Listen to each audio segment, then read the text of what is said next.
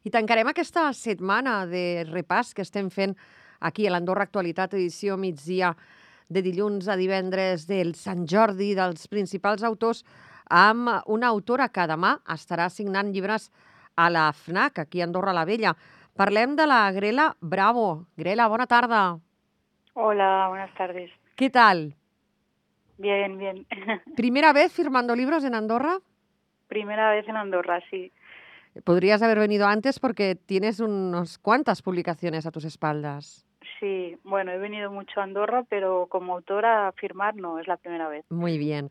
Vienes con el libro Maneras eh, de decirlo. Tenemos que explicar que tú eres eh, psicóloga y trabajadora social y es un poquito dentro de este ámbito que se mueve lo que, lo que escribes, lo que transmites en tus libros, ¿no? Eh, bueno, la verdad es que todos mis libros hay bastante variedad de, temas, de contenido, incluso de género, diría. Eh, me, ha ido, me he ido moviendo por, por distintas temáticas, pero al final, pues yo digo que siempre digo que el hilo conductor es un poco la vida, que al fin y al cabo es un reflejo de, mm, de lo que vemos y de lo que pasa, ¿no? Y, y, y la vida es eh, heterogénea. Entonces, evidentemente, pues mi profesión influye, ¿no? Porque pues un poco es todo lo que veo en el día a día, pero mm, trasciende trasciende la, la psicología el libro. ¿Maneras de decir el qué? Pues esto, maneras de interpretar la realidad y de y de, de analizarla o de contarla, ¿no? Un poco es um, una, una oda a la, a la subjetividad y a la y a la verdad mmm, que no es única, ¿no? A, interpelar a la gente a decir que no hay una sola verdad, ¿no? Y que también puede ser cambiante. Entonces, pues, pues bueno, a que no hay una, una verdad inapelable. En, en, esta, en este último libro comentabas antes que al final has visto que eh, tu día a día, tu profesión, lo que te pasa en la vida, también te sirve para plasmarlo en, las, eh, en, tu, en tus libros, en tus trabajos. Eh, pero en este último, en, esta, en maneras de decirlo, ¿qué te movió? ¿A, a, a qué necesidad tuviste de explicar estas maneras de, de decir las cosas y también esto que explicabas, ¿no? De que la realidad puede ser muy particular para cada uno. Bueno, yo creo que todos los escritores de alguna manera somos al final personas eh, todos los escritores o todas las personas que de alguna u otra manera creamos o recreamos la realidad o la reinterpretamos, pues de, de algún modo somos personas muy observadoras, ¿no? Entonces, eh, después de observar tienes como la necesidad de compartir, ¿no? De expresar eso que, observas. Y, y entonces, en última instancia, siempre es eso lo que te mueve, ¿no? Eh, de alguna manera, en el escritor, quizá de una manera más evidente, y en este libro en particular sí que es verdad que mmm, tiene un hilo conductor con los dos anteriores porque están escritos muy en consonancia con el periodo a raíz de la pandemia y todo esto, ¿no? Entonces son reflexiones, es una voz íntima, pero sobre temas universales y sobre temas desde mi perspectiva, pero sobre temas que nos mueven a todos, ¿no? El amor, la muerte, la felicidad, eh, este tipo de cosas. Eh, y evidentemente a partir del 2020, que es cuando fue el primero de esta pequeña trilogía, ¿no? Que es a propósito de, pues estos temas, digamos que tuvieron un, un calado y un impacto importante en mí, ¿no?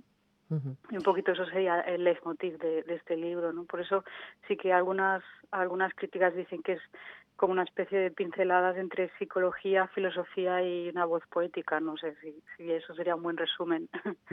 No, es perfecto. Has mencionado eh, la pandemia y, y, no puedo evitarlo debido a que eres psicóloga. Eh, se ha empezado a hablar muchísimo, muchísimo de, de salud mental ahora y que es necesario hablar de ello y que no hay que esconderse y que y que no es malo ir a, a, a hacer terapia, sea con un psicólogo, sea con un psiquiatra. Tú como profesional de, de, entre comillas, del sector, ¿qué piensas de esto? No, no, y sin comillas, profesional plena, plena y, y, con y durante mucho tiempo y con mucho orgullo.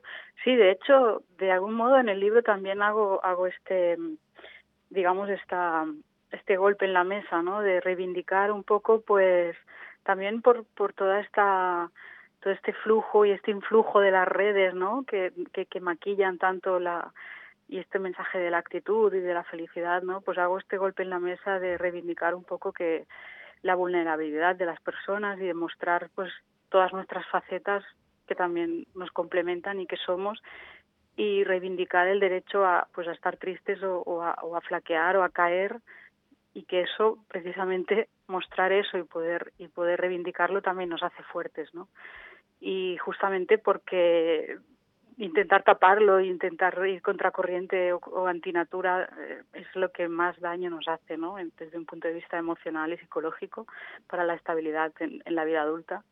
Entonces todos estos bueno, todas estas pinceladas que te estoy dando, estas píldoras, es un poco todas las reflexiones que, que se lanzan en el, en el libro.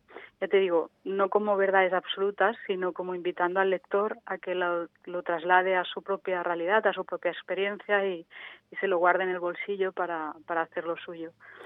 Lo importante, en definitiva, es que el lector cierre el libro, el libro pensando en que lo importante es vivir, en que lo Exacto. importante es eh, la persona, el individuo, si, sin hacer daño a los demás, pero que lo importante Vivir es que esté plenamente, bien. pero con todas las consecuencias, ¿no? Y, y aceptar, digamos, todas las, las curvas de la vida, ¿no? Como vienen, o sea, sin idolatrar y sin pretender estar siempre arriba, porque eso es una falacia, ¿no? Entonces, pues, pues bueno, aceptar también las caídas porque es la única manera de poderse levantar, ¿no? Pero no con mensajes de taza ni de azucarillos, sino, bueno, pues de una manera muy muy consecuente y muy realista. Me imagino que, a- a- además de la psicología, ese trabajo de mediadora también te ha ayudado un poco a, a ver todas estas aristas ¿no? que tenemos los seres humanos. Sí, sí, porque el principio de la mediación es, eh, para mí, es cuando la descubrí hace 20 años, me pareció maravilloso y era que el, el axioma es que nadie gana ni nadie pierde, ¿no? Es la mediación es, es lo contrario de la negociación, ¿no? Es todos ponemos en el en el centro para para que todos ganemos o todos perdamos, ¿no? Entonces es una filosofía de vida muy como muy justa y muy y muy realista, ¿no? Muy bien. No es tu primer San Jordi por esto, ¿no, Grela? No, no, no. En, En esto- Andorra sí, pero En esto tienes ventaja porque este año hay muchos autores eh, andorranos, pero que son, son primerizos, son, son novatos en esto. bueno, Eh, pero yo no soy profeta en la tierra, entonces soy primeriza allí, así que Pues recordamos no, que mañana estaràs en la, en la FNAC, en Andorra la Vella, en els grans magatzems eh, firmando doncs, este, este libro, ¿no? este Maneras de, de decirlo. No sé si te ha quedado algo por, es- por explicar. bueno, pues que en realidad siempre es la primera vez y voy con mucha ilusión, pero muy nerviosa, porque no sé, espero que alguien se acerque a saludarme con mucho cariño Por y, supuesto. y, y nada, y gracias por por abrirme las puertas de este pequeño gran país. Muchísimas gracias a ti por dedicar-nos estos, estos minutos. Grela Bravo, recordem, demà estarà signant aquest llibre Maneras de decirlo a la FNAC d'Andorra la Vella, de la capital. Grela, gracias, buenas eh, tardes y nada, nos vemos mañana. Vale, un abrazo. Buen Sant Jordi. Fins demà. Adeu.